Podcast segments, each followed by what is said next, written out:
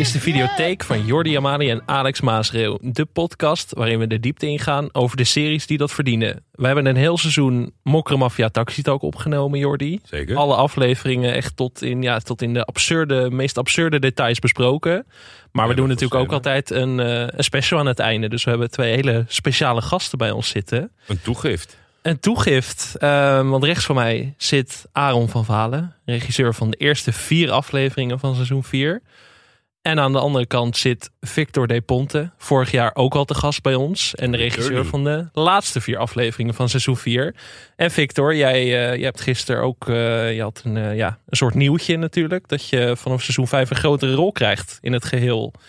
Klopt, ja. Kun je daar wat meer over vertellen? Ja, ik, ik ga ehm, eigenlijk seizoen 5 creative producen, zoals dat heet. Met een hele chique term. Ehm, Voor alle luisteraars zoals ik die luisteren. Nou, dat betekent eigenlijk dat je, dat je boven het project hangt. En, eh, en eigenlijk bij alle creatieve beslissingen betrokken bent. En zorgt eigenlijk de, de ontwikkeling, eh, zowel productioneel, creatief als, eh, als inhoudelijk, be- begeleidt, bestiert. Regisseurs aanstuurt. ehm, scripts begeleidt.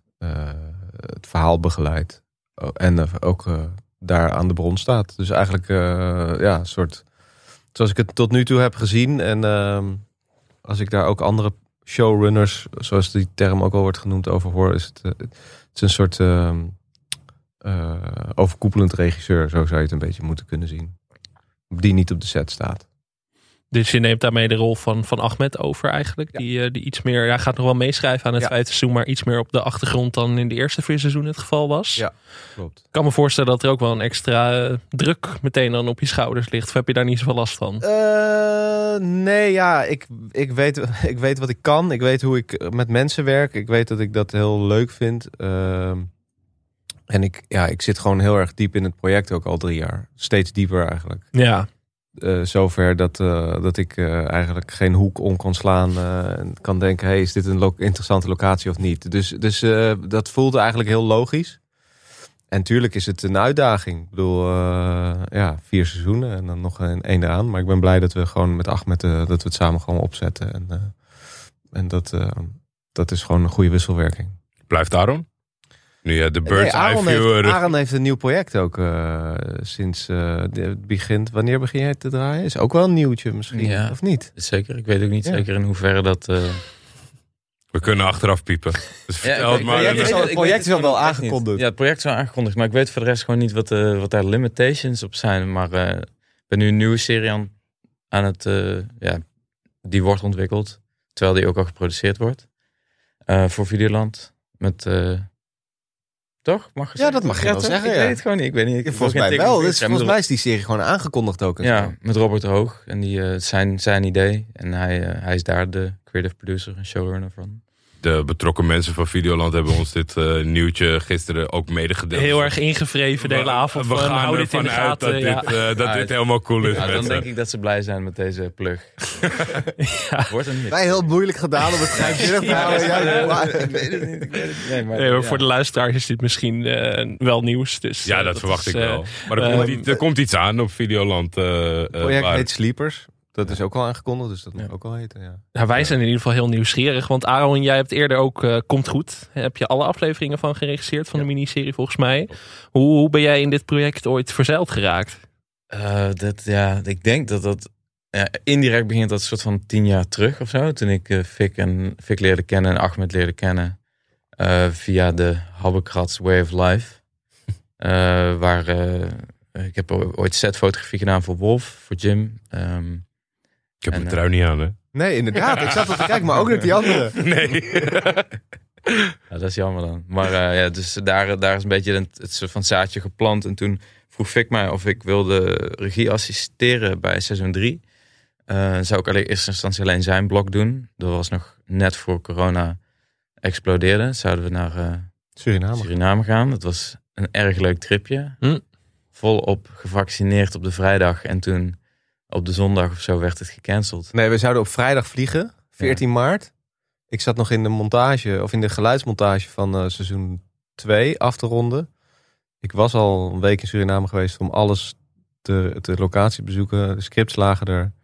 En we zouden 14 maart naar Suriname vliegen. En eh 14 maart was de dag dat die persconferentie was. Dat eh Oh, wauw. ruim dicht ging en dat, eh, dat de lockdown kwam. Ja. En toch maar een goed idee dat we niet daar naartoe zijn gevlogen. Want dan denk ik dat we daar drie maanden hadden ja.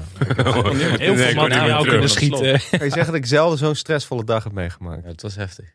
Maar er is een verhaallijn van Romano verloren gegaan Ja. in deze restricties allemaal. Ja, Mm. ja het is wel echt. Ik kijk heel soms nog naar het. eh, we hadden natuurlijk al die locaties daar gezocht, een locatiedeck. En ik had al die foto's om dat aan iedereen te laten zien. Heel soms kijk ik naar en op een vrijdagavond en dan moet ik huilen. Van what could have been. Ja, Ja. absoluut. Ja, nee, het was echt heel sick geworden. Maar ja, Maar ja, eh, water under the bridge. Maar goed, Dat is eh. Maar toen, eh, ja, toen kwam corona. Iedereen zat even stil. Toen vroegen ze drie maanden later zouden we ongeveer gaan draaien dan. Dat is oorspronkelijk gepland. En toen eh, vroegen ze of ik ook Bobby zijn blok wilde doen. Bobby Boermans. Mhm. Dat dat wel handig was. Eh, en eh, dat leek mij een top idee. En toen ik dat deed, toen kwam Komt Goed halverwege die productie. Was het duidelijk dat dat gemaakt ging worden. Omdat ze van Marwan, Marwans personage meer een, meer een lijntje wilden maken. Maar dat miste nog wel wat substantie of zo. Om hem echt op die manier ook in seizoen 3 erin te schrijven. En het was ook wel gewoon een tof idee om iets van extraatje te geven of zo. En toen zei ik, eh, ze hadden geen regisseur. En toen zat ik daar en toen zei ik, eh, hey guys, what about me? Eh, dus dat was nice. En het was, was erg tof om te doen. Het was een perfecte leerschool voor wat ik afgelopen seizoen heb gedaan. Om eerst een jaar lang, of eigenlijk een seizoen lang te assisteren. Mhm. Wel overal bij aanwezig te zijn. Niet heel veel last op mijn schouder te hebben, behalve figuratie en, en auto's of B- B-unit dingen leiden. En dus kunnen leren van Vic en van Bobby. En de hele machine leren begrijpen. En dan eh, komt goed doen wat korte spanningsboogjes zijn omtrent één personage. Wat natuurlijk veel makkelijker is dan elf lijntjes met elf, of hoeveel, ik weet niet hoeveel ID's hebben we. 60 of zo. 60, 60. Nou, er Goed, zijn er natuurlijk ook wel ja, 20 van gekild. Notebook 30 van voor je eh, om alles een beetje proberen Ja. bij te houden. Waarvan ik echt van onder de indruk was. De eerste paar keer dat ik jullie podcast luisterde, dacht ik van, zijn deze guys in on it of zo? Want ze noemen iedereen bij naam, waardoor ik denk van, die namen worden niet eens in het script genoemd. Ik was echt, eh, echt impressed. Ik dacht, Ach, eh, voor opmerkelijk was dat gisteren een heleboel mensen ons ja, niet betichten, maar een soort van af. horen jullie bij Videoland, maar nee, dat dacht ja, ik echt.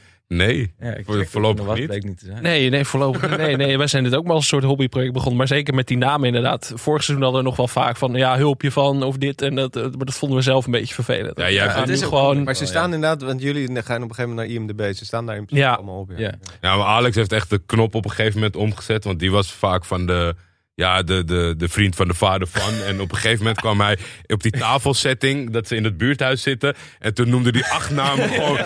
bijna voor- en achternaam. Toen dacht ik, oké, jij hebt hier nu gewoon de knop omgegooid. En je gaat iedereen bij naam noemen. Even een paar gewoon Ja. eh, geblokt. Maar wat ik wel vet vond, vandaag zag ik een post van, eh, van, van, van Geru, de acteur die dat speelt. En die zei van, ik ben in drie seizoenen van edelfigurant naar jonge 1. Want als je, naar Geru gegaan. Ja. En seizoen, seizoen drie was hij dan jonge 1. Want er zijn natuurlijk heel vaak bij zo'n script aan het schrijven. En dan moet er iemand die één zinnetje heeft. Maar die moet je, die moet je er wel Een titel een geven. titel geven in, de, in, de, in het scriptformat, zeg maar. Hoe je dat opschrijft. En dat is dan heel vaak dan jonge 1 of jonge 2 of agent 1 of zo. Weet Ja. je wel? En dat is dan een soort van tussenvariant. Maar hij is dus, ik vond het wel grappig om te zien hoe dat dan kan gaan. En dan uiteindelijk kom je dan dus inderdaad op IMDb terecht als, eh als Geru of zo. Want dat blijft toch wel een grappig draadje door de hele serie heen. En vooral op het scherm zien we dan dat inderdaad figuranten kunnen uitgroeien tot volwaardige personages. Maar ook bij jou, Aaron, is wel dat- je ook zeg maar van achter de schermen gewoon een soort carrière kunt opbouwen. Dat Ja. is toch ook wel. Ja, dat is, wel, eh, dat is toch wel wat eh, de legacy van Mokkermafia. En wat nu ook bij Vic is. Ja. Eh, Ja. van, eh, van regisseur naar creative producer gaan. Dat is ook een... eh, Was dat voor jou nog wel een sprongetje, zeg maar, van het komt goed naar daadwerkelijk eh, afleveringen in het reguliere seizoen? Ja, was zeker, was zeker een sprongetje. Ja, wat ik net zei, komt goed. is gewoon het zijn korte spanningsboogjes. En, en het is één guy, weet je. Dus je kan gewoon veel meer... Het is allemaal veel simpeler. Ja. En eh, ik had ook nog het voordeel dat mijn draaidagen niet allemaal achter elkaar gepland waren. Maar gewoon hier eentje en dan drie weken later eentje.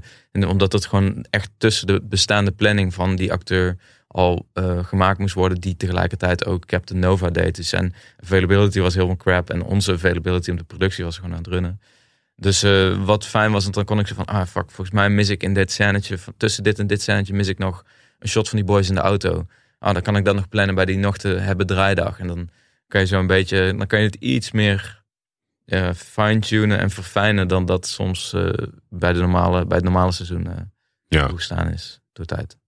En dan komt het natuurlijk zover dat de, de afleveringen live gaan. En dan krijg je waarschijnlijk ook op een andere wijze mee hoe erg het in Nederland leeft. Er is nu op een gegeven moment uiteindelijk eh, eh, zijn de cijfers gedeeld die lang niet gedeeld zijn.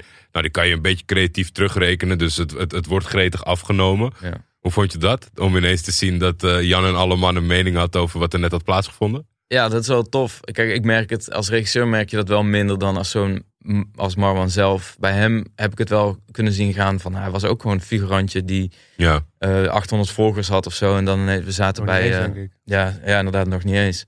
En we zaten bij geen eh, straattaal beheerste. Gek detail over hem.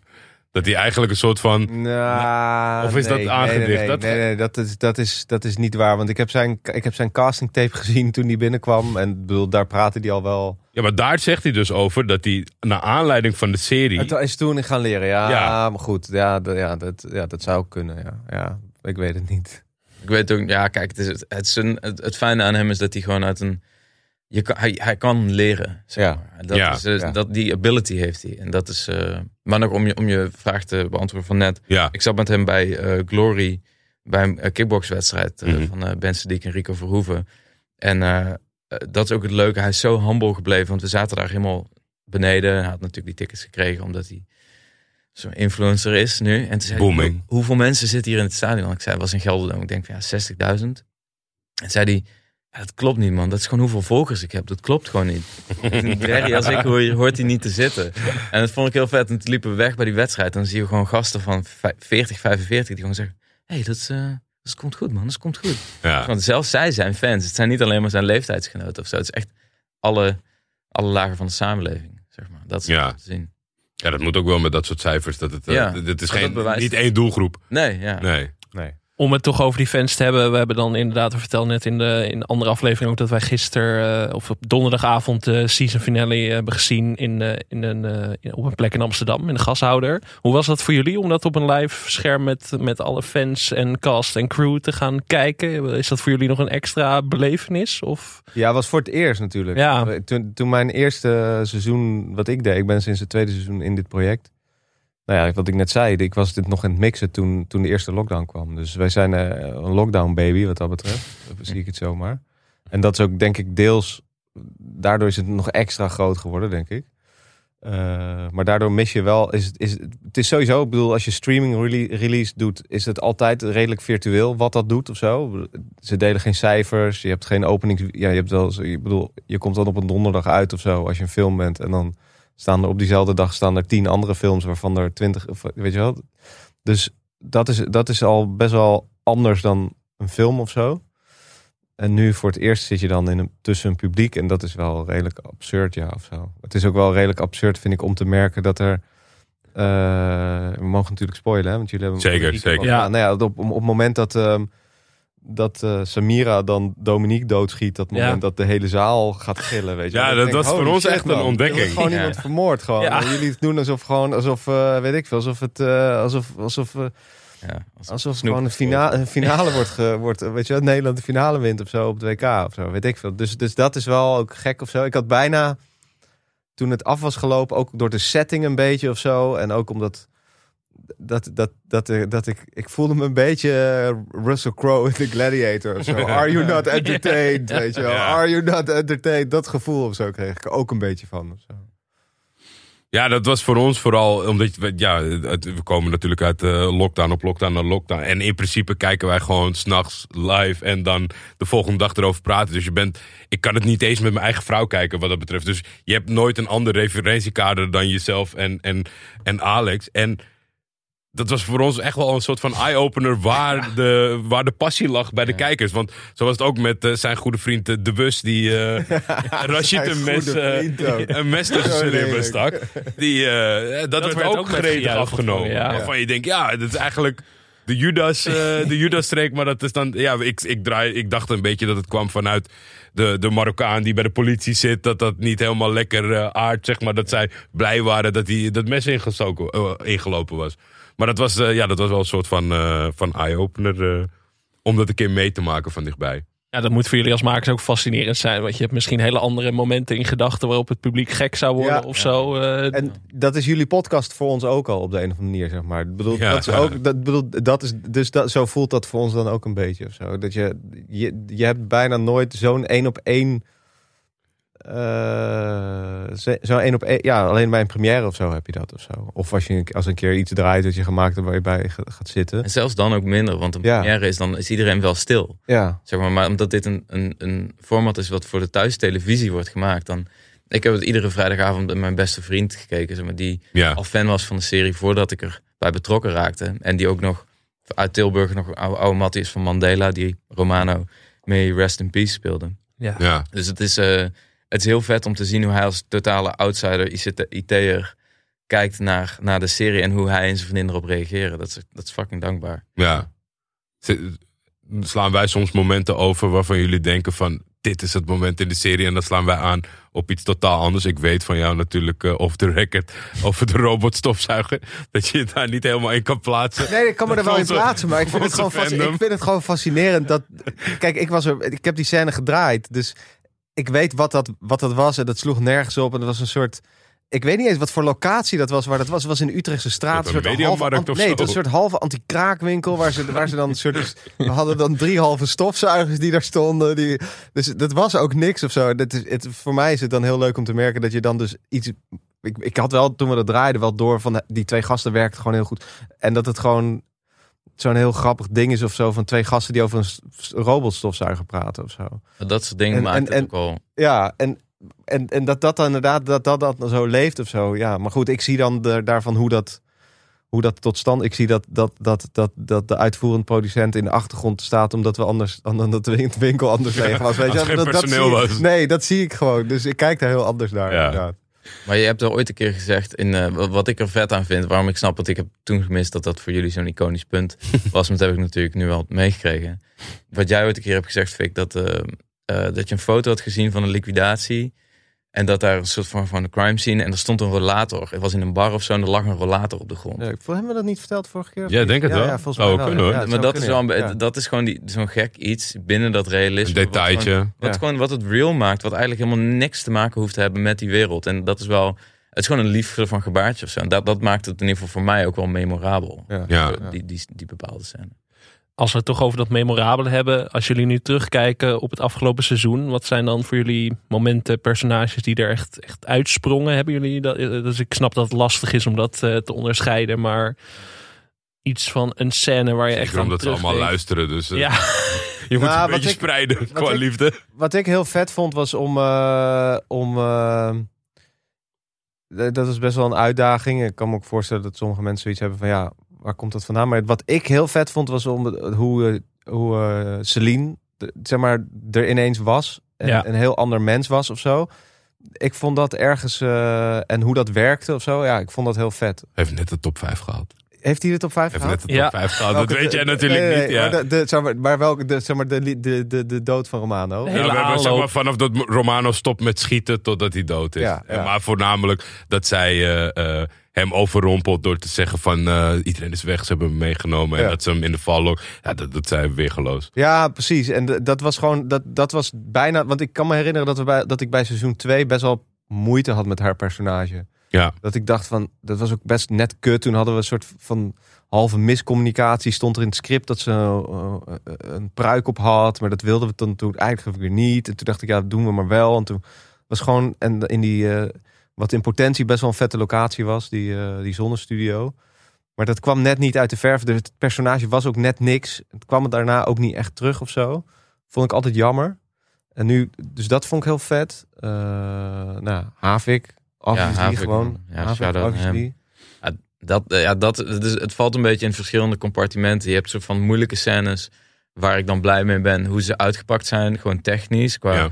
Eh, weet ik veel, stunt van, eh van Adil's Escape. Of, eh, of montagetjes tussen de dood van Emin. Of hoe die track daar werkt of zo. Maar dat zijn dan soort van meer de maken dingen. Maar dan heb je ook het, die jongens zien on, ja, blassemen, zeg maar. Gewoon zo'n Havik of een, of een Ismail Lachlach die... die natuurlijk jonge 1 was. En dan nu Geru. Hoe hij die scène doet in dat buurthuis. Dat heb ik ook in een andere bij Phoenix gezegd. Ik was echt impressed met toen hij dat deed. Hij, hij blaast al die acteurs om hem heen, zo van met alle respect, eh, Ja. blaast hij gewoon van de floor. En het is gewoon een, een, een non-acteur. Dus ja, de eerste keer dat hij echt een, echt een scène scène heeft of zo. Want hoe pakken jullie dat aan als regisseurs? Hoe, hoe begeleiden jullie mensen als Havik en Keroe eh, op de set? Zeker dat- omdat zij natuurlijk niet echt geacteerd hebben. Is dat... In de repetities, eh, dat, dat, daar, die zijn daar heel eh pivotal voor. En daar is Ahmed echt heel goed in, in die boys drillen. En, we- en heel rukzichtloos zeggen, nee man, dit is werk. Want dit is werk, want dit, dit is werk en dit is werk. En dit moet je zo doen. En spreek deze zin zo uit. En daar trekt hij ze wel echt in een heel korte tijd. eh, want hij is dan niet bij de scènes, eh, bij het draaien aanwezig. Maar daar, daar leren ze echt heel veel van. Ehm, dus dat, dat is denk ik een... eh, en, en ze hebben gewoon in de scènes eromheen hebben ze vaak gewoon mensen van wie ze kunnen leren. Dat scheelt natuurlijk ook heel erg. Ehm, ja, dat denk ik. Jij gaat natuurlijk al een tijdje mee. Is het verschil dat, dat deze jongens eh, in plaats van iemand die thuis beslist van ik wil kindacteur of ik wil acteur worden of dat soort dingen. Dat door ja, hoe Ahmed dat toch een soort van creëert hebt dat duizend mensen een DM sturen. Dat, dat ze ook gewoon veel bereidwilliger zijn of leergieriger zijn dan dat je misschien normaal treft. Nee, dat Of denk valt ik niet. wel mee? Dat denk ik niet. Ik denk dat ik denk dat eh, ik denk ik denk sowieso dat dat dat dat 999 van die duizend jongens die een DM sturen onderschatten wat het inhoudt. Ja, Eh, dus die, die ze willen allemaal heel graag, maar als als ze dan vervolgens om zes uur 's ochtends op worden gehaald, ja, weet je, Ja. dat is gewoon een ander verhaal. Eh, en, en, en het is de kunst om de jongsten uit te vinden die, die, die, die dat echt willen. Ik bedoel, ik, Dus het zit hem echt in het ze Niet uit die selectieproces. DM's, we trekken ze wel altijd uit casting, zeg maar. Dus, Ja. dus, eh, dus die DM's, ja, dat heeft niet zo heel veel zin. Maar ehm, uiteindelijk is het dan wel de kunst om, bijvoorbeeld zo'n jongen als, als Ach- Ahmed Havik, zeg maar. Mhm. Ja, die wil echt acteur worden. ja precies. Wel. En, en, eh, en, en, en die, die ziet, je ziet ook gewoon echt aan hoe hij werkt of zo, dat, hij- dat hij daarmee bezig is. En, eh, en dat, is, dat, is, eh, dat is wat je wil, zeg maar. Dus, Ja. dus het is niet dat je, je moet niet, want je, wil niet, je moet niet eh, jongens willen hebben die gewoon in mokkelmafia willen zitten, zeg maar. Nee, Dat, ja, dat, dan ga je op een gegeven moment ga je het ook niet meer volhouden of zo. nee, dan wordt het ook heel druk, kan ik me voorstellen.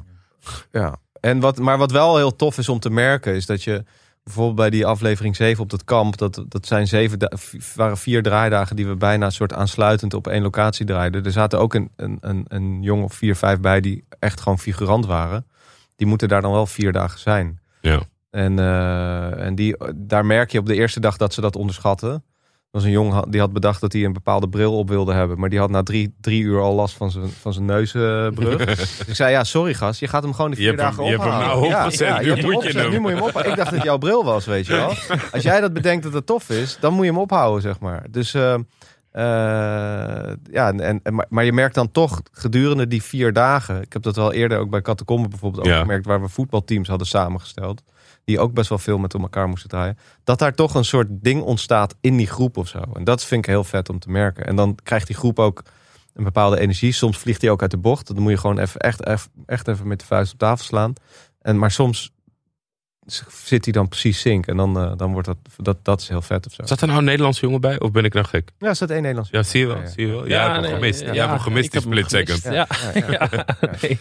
Ja, nu we het toch over die aflevering 7 hebben. Dat was natuurlijk een eh, best wel gedurfde keuze. Om dat Ja. als eh een na laatste aflevering van dit seizoen Ja. te doen. Er waren natuurlijk eh, hevige reacties ook uit sommige hoeken. Dat je Ja, denkt van, oh, je kan dit wel. Hoe, eh, waar kwam die keuze tot stand? Om die aflevering eh, op dit moment en zo aan te pakken? Ehm, ik moet heel eerlijk zeggen dat ik dat niet precies weet. Ik weet dat, er een, dat het concept er lag om deze jongens zo, eh, eh, zo, zo in die context of zo- zo'n soort context neer te zetten. Ehm, ik heb me vorig seizoen niet zo heel erg met het eerste blok bezig gehouden. En toen op een gegeven moment ben ik bij het tweede blok weer echt ingestapt. En toen eh, moest die aflevering op, op een gegeven moment geschreven worden. Toen ben ik die gaan schrijven. Maar moet niet, ik moet eerlijk zeggen dat ik niet zo heel erg toen ermee bezig was van waar valt die en hoe precies. Wel dat natuurlijk de aflevering 7 was.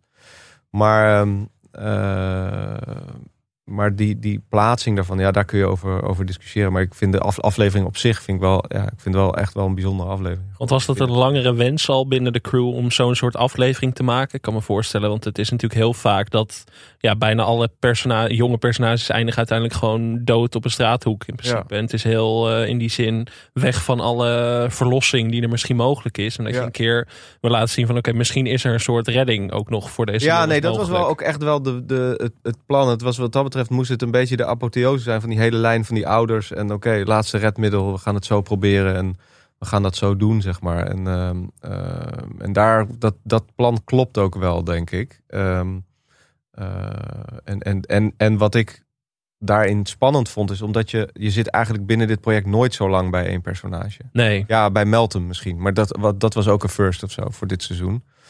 Ehm, eh, en daar zaten misschien nog, dan zaten nog raakvlakken met wat andere personages in ook. Die, die het dan voor de kijker misschien wat meer herkenbaar mokkelmafia maken of zo. Maar dit, dit was daarin echt een experiment. Andere, andere series doen dat natuurlijk ook wel eens. Ja, Eh, eh, en, en dat is altijd eh, af, afwachten hoe dat valt. En, en ik denk dat het, het is in die zin ook nieuw in dit vierde seizoen. Kijk, volgens mij eh, die, die klassieke Sopranos aflevering, de, de eh, Pine Barrens, Pine Woods, hoe heet die? Pine Barrens. Ja, ja, ja, Barrens, ja. Die zit, dat is volgens mij, eh, zit halverwege seizoen 1, geloof ik. Seizoen 3 twee- volgens mij is het. eh, seizoen 3. Ja, Met de, met de rust die ze Met de rust begraven. ja, ja, ja. Maar in ieder geval, Het is ietsjes laat, ja. Ja, maar goed, eh, daar, ja, dus, dus dan, eh, dan is mijn punt eh, niet helemaal valide. Maar, maar je merkt dat dat, dat, dat, dat een, een uitdaging was misschien. Maar ehm, ehm, ik vond het wel heel fijn om een keer de diepte in te kunnen, ook visueel in zo'n aflevering. Want wat, wat Aaron zegt is wel echt zo. Ehm, eh, omdat je zoveel verhaallijnen door elkaar heen aan het juggelen bent. En je op scriptniveau ook echt niet kan beoordelen hoe dat in de montage helemaal gaat werken. Omdat het zoveel verhaallijnen zijn. Dus dat je in de montage ga je nog heel veel door elkaar heen gooien. Dus je visuele opbouw van een aflevering, die kun je bijna niet uitdenken. Zoals je, Nee. zoals je een film is echt een design, zeg maar, van begin tot eind. Zelfs daar ga je natuurlijk ook dingen schuiven uiteindelijk in de montage. Maar is veel meer een visuele stijl die je, waar je nadenkt over de visuele ontwikkeling ook van zo'n film. En dat is binnen zo'n project veel lastiger. En ik vond het heel vet.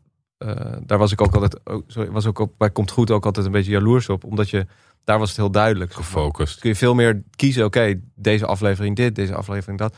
Die middelen voor zo'n aflevering Mokkelmafia zijn veel beperkter. En daarom vond ik het ook vet om dit te doen. En, en ook die, zeg maar, die tankconstructie met de opening en het slot of zo. Dit, Mhm. dat, dat biedt dan ook wat meer houvast of zo. Ja, want ik kan me voorstellen, je hebt het net over al die verhaallijnen inderdaad die door elkaar lopen. Ik kan me voorstellen dat je best wel eens bij een personage hebt van, oh, ik wil hier eigenlijk meer van, van Absoluut. dit karakter Ja, zien zeker, eigenlijk. zeker. En dat komt ook wel eens in de montage. Dat je denkt, hey shit, deze stap is te groot. Of ik zou hier nog even net... En dat, en dat komt ook op scène niveau terug. Dat je denkt, shit, ik had toch even nog dat shot nog even iets langer moeten draaien of zo, weet je wel. En dat komt gewoon omdat het zo krankzinnig veel is wat je op een dag moet draaien, maar ook door elkaar heen. En al die verhaallijnen die in je hoofd aan het juggelen bent. Ik voel me soms wel eens zo'n Chinese jongleur, weet je wel. Van die bordjes.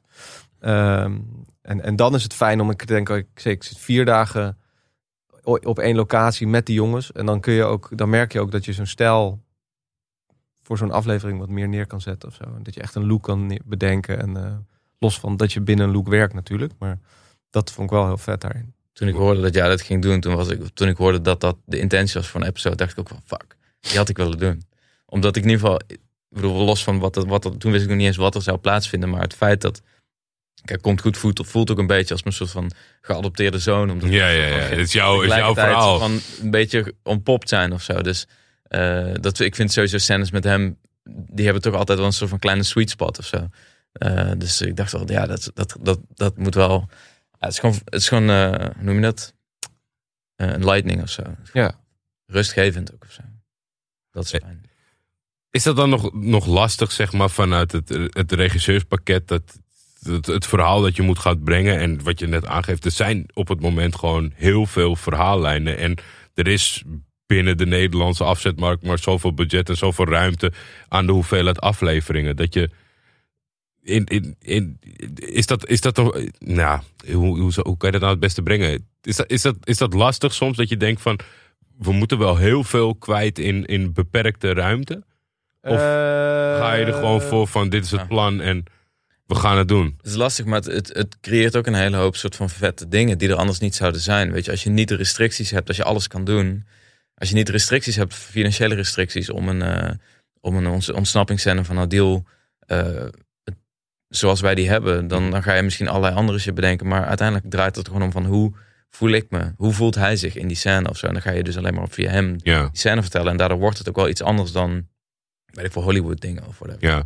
Dat moet wel. Nee, we gaf jij en Ahmed vorig jaar ook aan van, weet je, stel geven het dubbele budget, dan zouden we nog meer budget willen. Het is eigenlijk een soort van, van nooit genoeg, maar het, het, voelt, het voelde dit seizoen toch wel aan alsof er, er zat meer in één seizoen, zeg maar, dan dat je misschien wel kon vertellen. Ja, dat, ja, goed, er zit gewoon heel veel in, zeg Ja. maar. En, eh, en, eh, en ik denk dat je, dat, je, dat, je, dat je best nog de diepte meer in had gekund met Romano in Duitsland. Of, eh, Nou, Samira was bijvoorbeeld, hebben wij het in de laatste aflevering over gehad, dat er een paar momentjes misschien nog Ja. tussen hadden gekund. Zij gaat Klopt. snel, Ja, zij, gaat- verandert snel van karakter. Snel, maar goed, dat biedt ook weer mogelijkheden om dat terug te vertellen of zo. Ja. weet je wel? Ik bedoel, Ja, dat, dat geeft ook weer ruimte om, in, eh, om, om nog dingen erbij te kunnen halen in de volgende seizoenen. En dat merk ik ook wel altijd, is dat je... Dat vind ik heel fijn aan, aan zo'n project wat je dan een aantal jaar doet. Is dat je gewoon... Ik had toevallig vanmiddag ook nog even met Zineb daarover. We hadden het nog even over het seizoen. Eh, is dat je die karakters zijn niet weg, zeg maar. En, die, en, en, en het moment dat, er, dat je denkt eh, van shit, ik zou daar nog meer van willen weten. Die kans komt nog. Weet je. Ja. We kunnen Mhm. nog dingen eh, gaan doen. En je kan die personage ook weer in andere situaties brengen waar dingen weer terugkomen.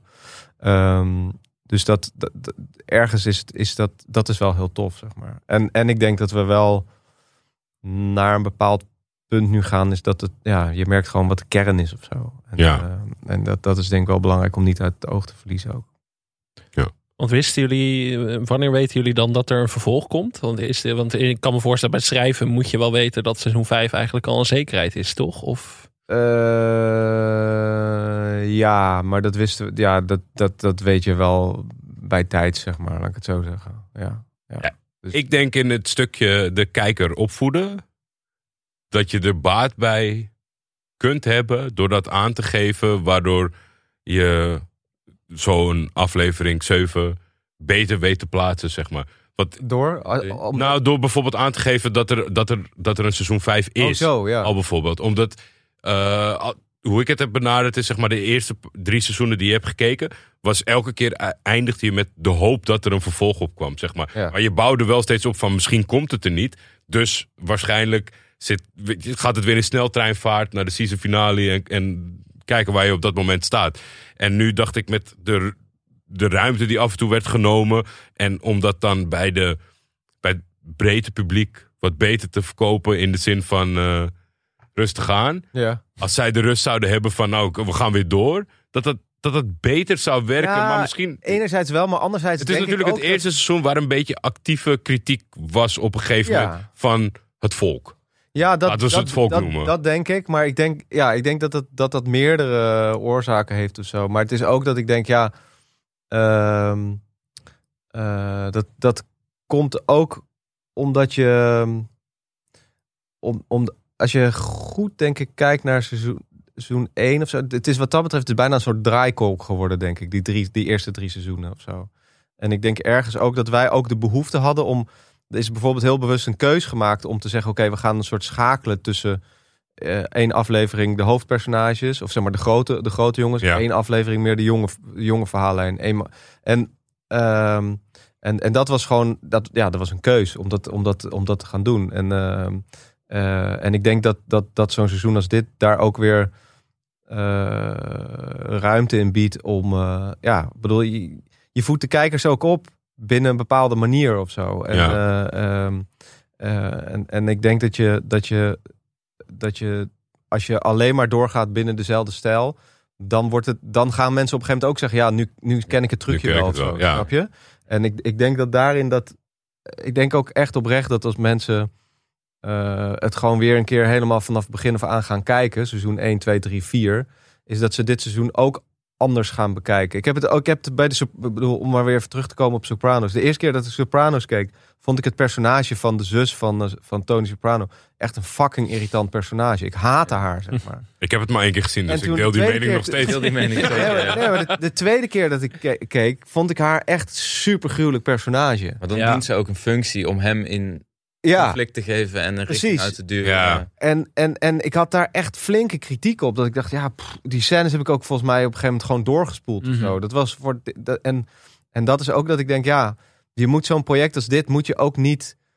eh, In één keer. In, in één, ja, ik bedoel, je hebt een eerste. Maar ik heb het ook gehad bijvoorbeeld bij The Departed. Die keek de eerste keer in de bioscoop. Was ik super heftig teleurgesteld. Vond ik echt een kutfilm. Ik dacht, wat is Scorsese nou weer in doen? Zag ik hem tien jaar later. Vond ik is echt een van mijn top 10 films, denk ik. Gewoon Ja. als je het hebt over hoe het verteld is en hoe hij gewoon in één sequentie van, van een montagesequentie van, van, van een minuut, eh, bij wijze van spreken een jaar vertelt of zo. Ja. Of een hele karakterontwikkeling. Ja, het is gewoon echt een soort next level shit of zo.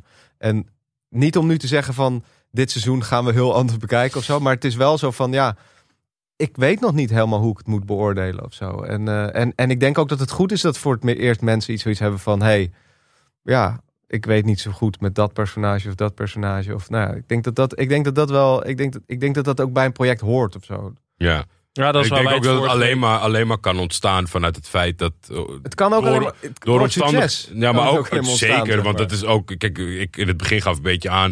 Ook bij ons in de podcast. Dat het natuurlijk op een gegeven moment wordt het ook tof om te zeggen dat het nep is. Terwijl iedereen het tof vindt, zeg maar. En dat eigenlijk nog een soort van ongefundeerde mening is. Ja. op dat niveau. Maar ik denk het grootste verschil met seizoen 1 en 2. Die wij helemaal hebben teruggekeken. eh, voordat we aan seizoen 3 begonnen. Is dat dat niet te bintje. Of dat was te bintje. Ja. En dan heb je helemaal niet de ruimte voor de gesprekstof. En om er Ja. een week lang over te balen of wat dan ook. Want je, je rost hem in één keer er doorheen. En oké, dat is je mening. Dus je hebt helemaal niet die ruimte om eigenlijk om het heel goed of heel slecht te vinden tussendoor. Ja. Dat is echt wel een grote verandering in de beoordeling, denk ik. Ja, en zeker na seizoen 3 verwachten mensen misschien. Het was natuurlijk een actierijk seizoen, hè, elke aflevering. Dat is krankzinnig veel actie. Maar als je dat te lang volhoudt, dan wordt het ook te veel. Kan ik me mensen, voorstellen. mensen neerschieten. Ja. Ja. Ja, dat. En, en kijk, ook, ook qua realisme.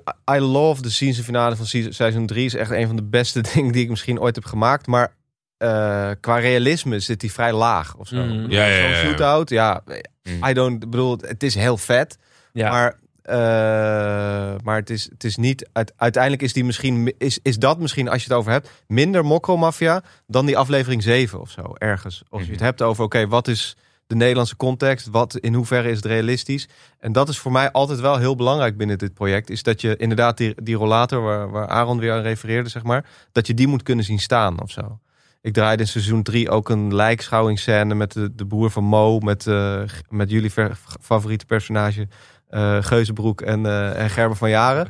En dan draaide ik een topshot. En toen heb ik even... Dat was helemaal een betonnen vloer. Een beetje zoals hier. Met dan alleen zo'n lijk en een stalen tafel. En toen stond er ergens in die gang, ergens op die locatie, stond zo'n zo'n mop. Met in zo'n, in zo'n, die heb ik toen daar in die hoek gezet. Van dat, en, en dat is gewoon voor mij wel mokko-mafia of zo. Gewoon. En, ehm, Echt een rauwer. Ja, nou, niet zozeer het rauwen, maar het wel het gewoon, oké, eh, dat, is, dat is als ik hier bij wijze van spreken de, de deur uitloop en een andere ruimte binnenkom, dan kan ik die realiteit inlopen. Ja. Dat bedoel ik meer. En, ehm, en, en, dat, en, en ergens had ik ook wel een beetje het gevoel zelf dat we na seizoen drie, hoe vet dat ook was en hoe vet die season finale ook werkte, zeg maar, story-wise, visueel, actie-wise, moesten we ergens, had ik ook wel het gevoel, weer een stapje terug naar die rollator of zo. Hm. En dat, dat is misschien wel dit seizoen ook of zo. Dat je los, ja, dat je, dat je daar weer even de beide benen op de grond ook zet of zo. Ja. Ja, je kunt ook gewoon niet in elke aflevering heat willen zijn, denk ik. Nee. Dat, je, dat, dat wordt te veel en dat gaat mensen ook vervelen, denk Ja. ik, uiteindelijk. En dan, ja, zeker. Het is een extreem goed voorbeeld. Heat is wat dat betreft echt een voorbeeld voor mij. eh, Ook een soort tekstboek of zo. Ik bedoel, die, die, die, film, ik zag hem eh, eh, misschien vorig jaar ook over gehad. eh, Zag hem op een gegeven moment weer in de bioscoop in Eye draaide. Een hele mooie restauratie.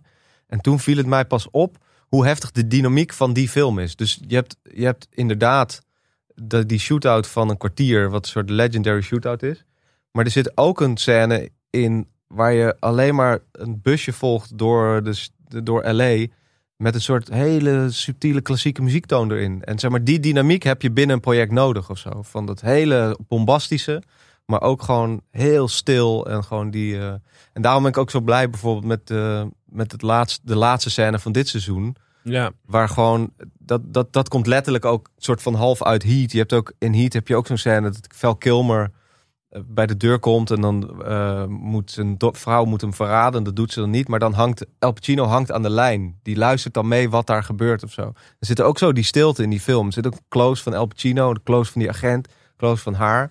En dat is gewoon, dat vond ik gewoon heel vet. En dat was een beetje mijn doel ook daarvoor of zo. Maar het is bijna een soort antithese ten opzichte van de season finale van vorig jaar of zo. Ja, we hadden het extreme er- stilte. We hadden het daar toevallig over dat jij, eh, Jordi, verlangde eigenlijk naar nog een zinnetje extra. Dat je zei van de- de stilte duurt te Ja, lang of zo. Dat je op een gegeven er. moment terug naar een Ja. woord. Eh, Ja. Een woord had ook nog wel gekund. Ja. Gisteren in, in, de, in de live setting had ik het niet zo, niet zo door, omdat je een beetje in het moment zat.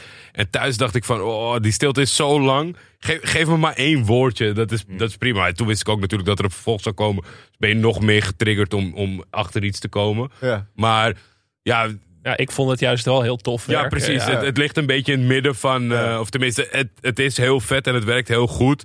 En toch blijf ik erbij van. ah, had, nog één- had, had maar één woord, dan, dan konden we daarop voortborduren in, de, in het verwachtingspatroon. Ja, maar de basic essentie daarvan is dus gewoon... Hij weet wie zij is, zeg maar. Ja, Ik bedoel, en dat wist hij natuurlijk al. Ik Ja. bedoel, dat heb je al wel established, maar daar gaat het om of zo, weet je wel. Van, Oké. Het, het woord Heat is gevallen, of de film Heat is gevallen. Hoe, hoe ambitieus eh, voelde het voor jou om, eh, ja, toch wel vrij in het begin moet je eigenlijk beginnen met eh Adil vrij krijgen in Nederland met andere middelen. Ja. Maar dat toch op een indrukwekkende wijze op camera krijgen. Ja, hoe dat voelde? Ja? Ja, dat was, toen ik het, dat was natuurlijk de eerste scène die ik las. En super Ja. waren we volgens mij tegelijkertijd toen het script aan het, aan het lezen. En toen was ik al dacht van, ah, dit is wel echt, een- dit is wel echt een cadeautje om, om dit te mogen gaan maken. Dat is natuurlijk gewoon een jongensdroom. Dus eh, dat was heel tof. En toen, kwam de tweede gedachte van, oké, maar hoe ga je het dan doen? en toen, eh, toen werd ze, oh ja, moet ik even over nadenken. Maar, eh, ehm, ja, maar, maar ook zo'n scène als die shootout in drie. Dat, daar moest ik, dat is meer voor mij een soort van heat-referentie. Ook letterlijk de muziek die daarvoor is gebruikt. is gewoon Ja. knipoog naar. Want dat, wat, wat Vic net ook zei, dat is gewoon de meest...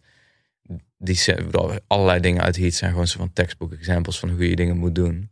Uh, maar die shootout is echt legendary. En, uh, uh, maar ja, je gaat... Ja, je, het vette aan, dat heb ik ook wel eens eerder in... Ik weet niet wanneer ik dat zei, maar... Um, je gaat gewoon dingen zo, zo onder de loep nemen. En dan ga je het zo bestuderen. En daardoor leer je. En natuurlijk gaat het never worden wat, het, wat de originele dingen zijn. En je probeert van drie verschillende bronnen of whatever bij elkaar te pakken. Maar de, bedoel, die, die openingsscène met dat deal, daar zitten dingen in uit Amprofet, muziekreferenties uit Amprofet. Als hij daar die auto binnen gaat en dan Mhm. dat binnen in die auto die wapens afgaan en dat zijn geluid wegvalt. En dat, ik vind dat gewoon, daardoor raakte ik heel erg in hoe het moest zijn voor hem om die keuze toen te maken en hoe hij zich voelde. En ook het feit dat hij niet verstaat wat die, wat die gast tegen hem zegt als hij uit de auto gaat. Dat doet Adil en dat doet hij doet Amprofet ook. Ja. Het zijn allemaal kleine dingetjes die je dan leent van, van, van, van de shit that raised us, zeg maar. Ja, om het bij elkaar te brengen. Ja. Ja. Ik, ja, ik, ik, ik maar dat, ja, ik ben natuurlijk is totaal niet mijn expertise, maar ik dacht van met, met de Nederlandse middelen die we hebben, is het heel erg goed om te focussen van binnenuit, vanuit zijn perspectief, omdat het dan allemaal buiten niet zo bombastisch hoeft te zijn. Ja. En het werkte uitstekend, omdat het heeft alles over zich om totaal niet te werken. Iemand die, die, die, die uh, bevrijd wordt vanuit uh, zeg maar zo'n uh, kolonne van de, van de politie tijdens het vervoer.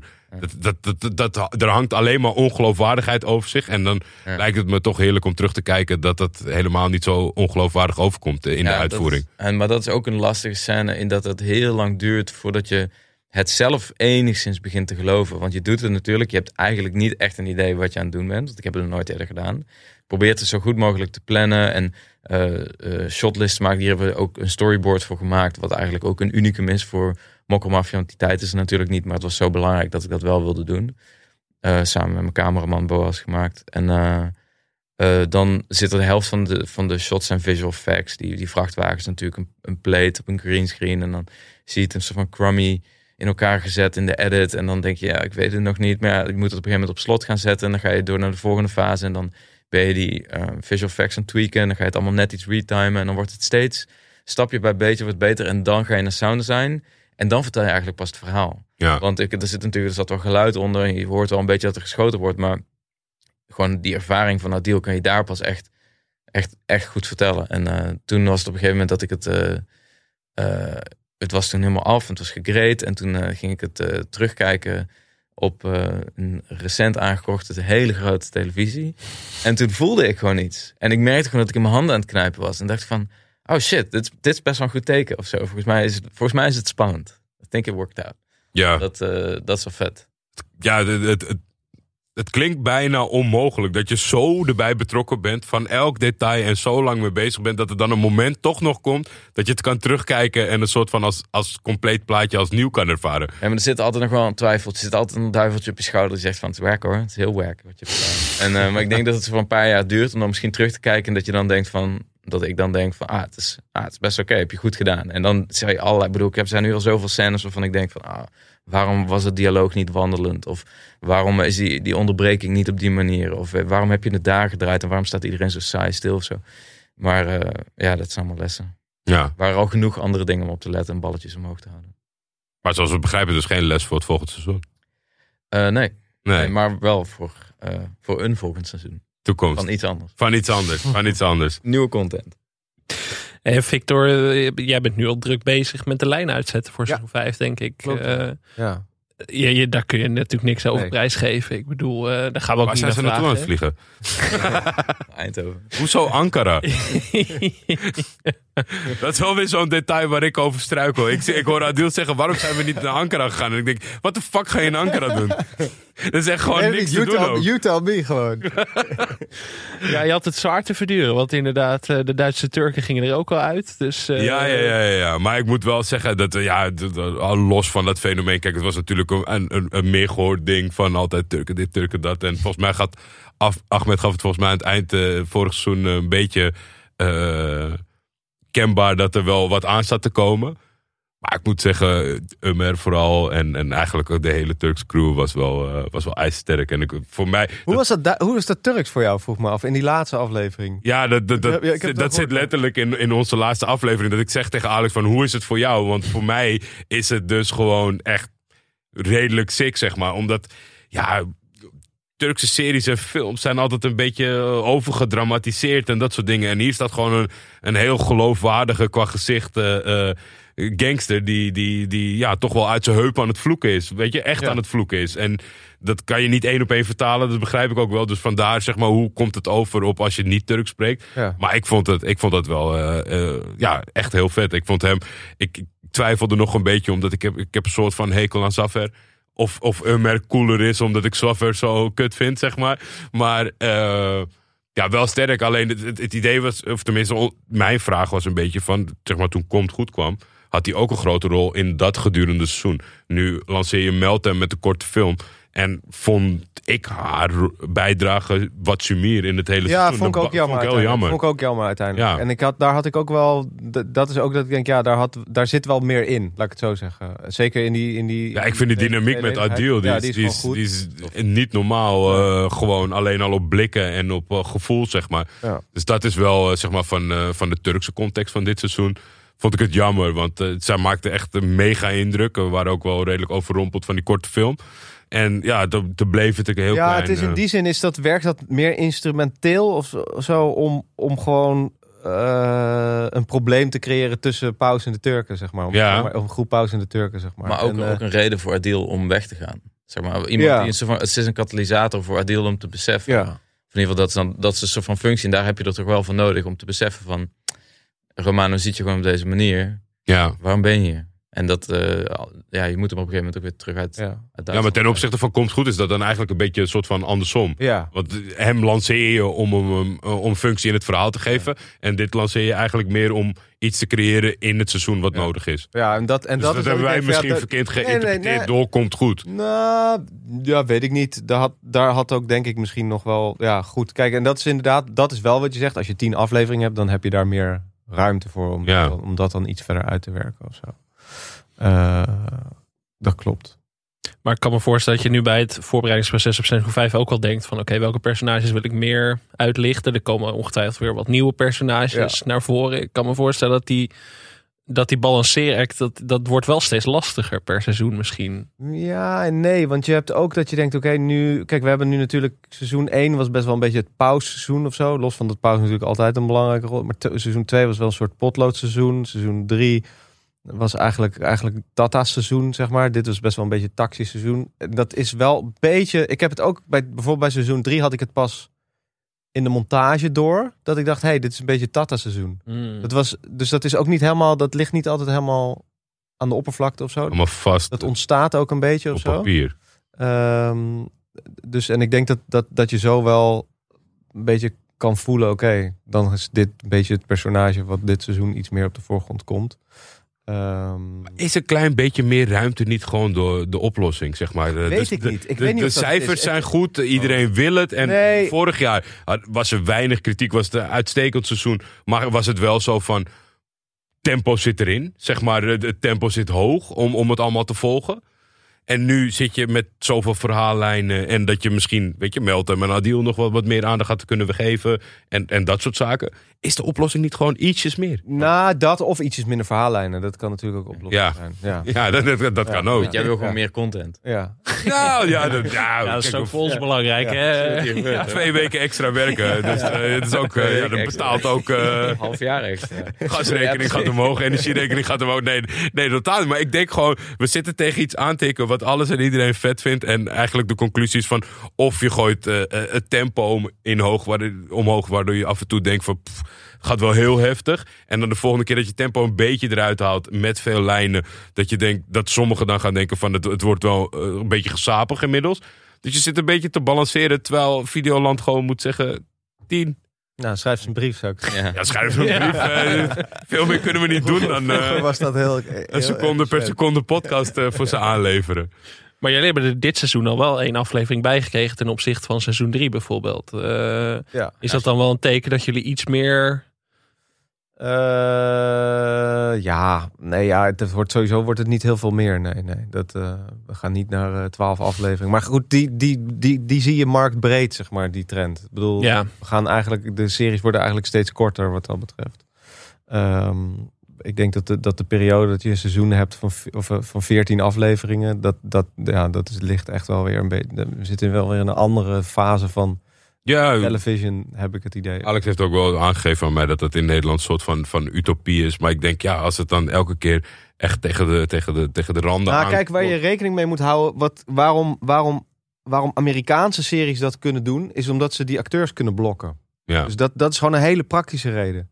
Ehm, ik kan het nu wel zeggen, maar de reden dat Tata vanaf aflevering 5 niet meer te zien is, is omdat hij gewoon in een ander project zat. Ja. Ik kon gewoon niet meer met hem draaien. En dat, is een, re- en dat, dat, dat vind ik heel kut. Goed voorspeld. Hè? Eh, Maar met Said met trouwens. hetzelfde, hetzelfde met, met Said, zeg maar, Ashraf. ja, de. Antwerpen. Godverdomme Ja. Antwerpen. Ja. We worden helemaal gek. Waarom gaan we niet Ja, naar Antwerpen? Maar Ashraf heeft gewoon. eh Ashraf heeft gewoon. eh, eh, of, of Said heeft gewoon eh, een half jaar in, de, in, Jordanië gezeten. Of Saudi-Arabië voor een heel groot eh, Project. project. En die, die, ja, die waren we ook gewoon kwijt, zeg maar. Dus, Ja. en, en, en zit wij hebben, ook nog wij hebben, wij niet je- de ruimte dat we gewoon kunnen zeggen: oké, 2022 of van je bent gewoon de komende zes seizoenen van ons. Hm. En je staat, staat nummer één. En als je bij ons op de set moet zijn, moet je met ons op de set zijn.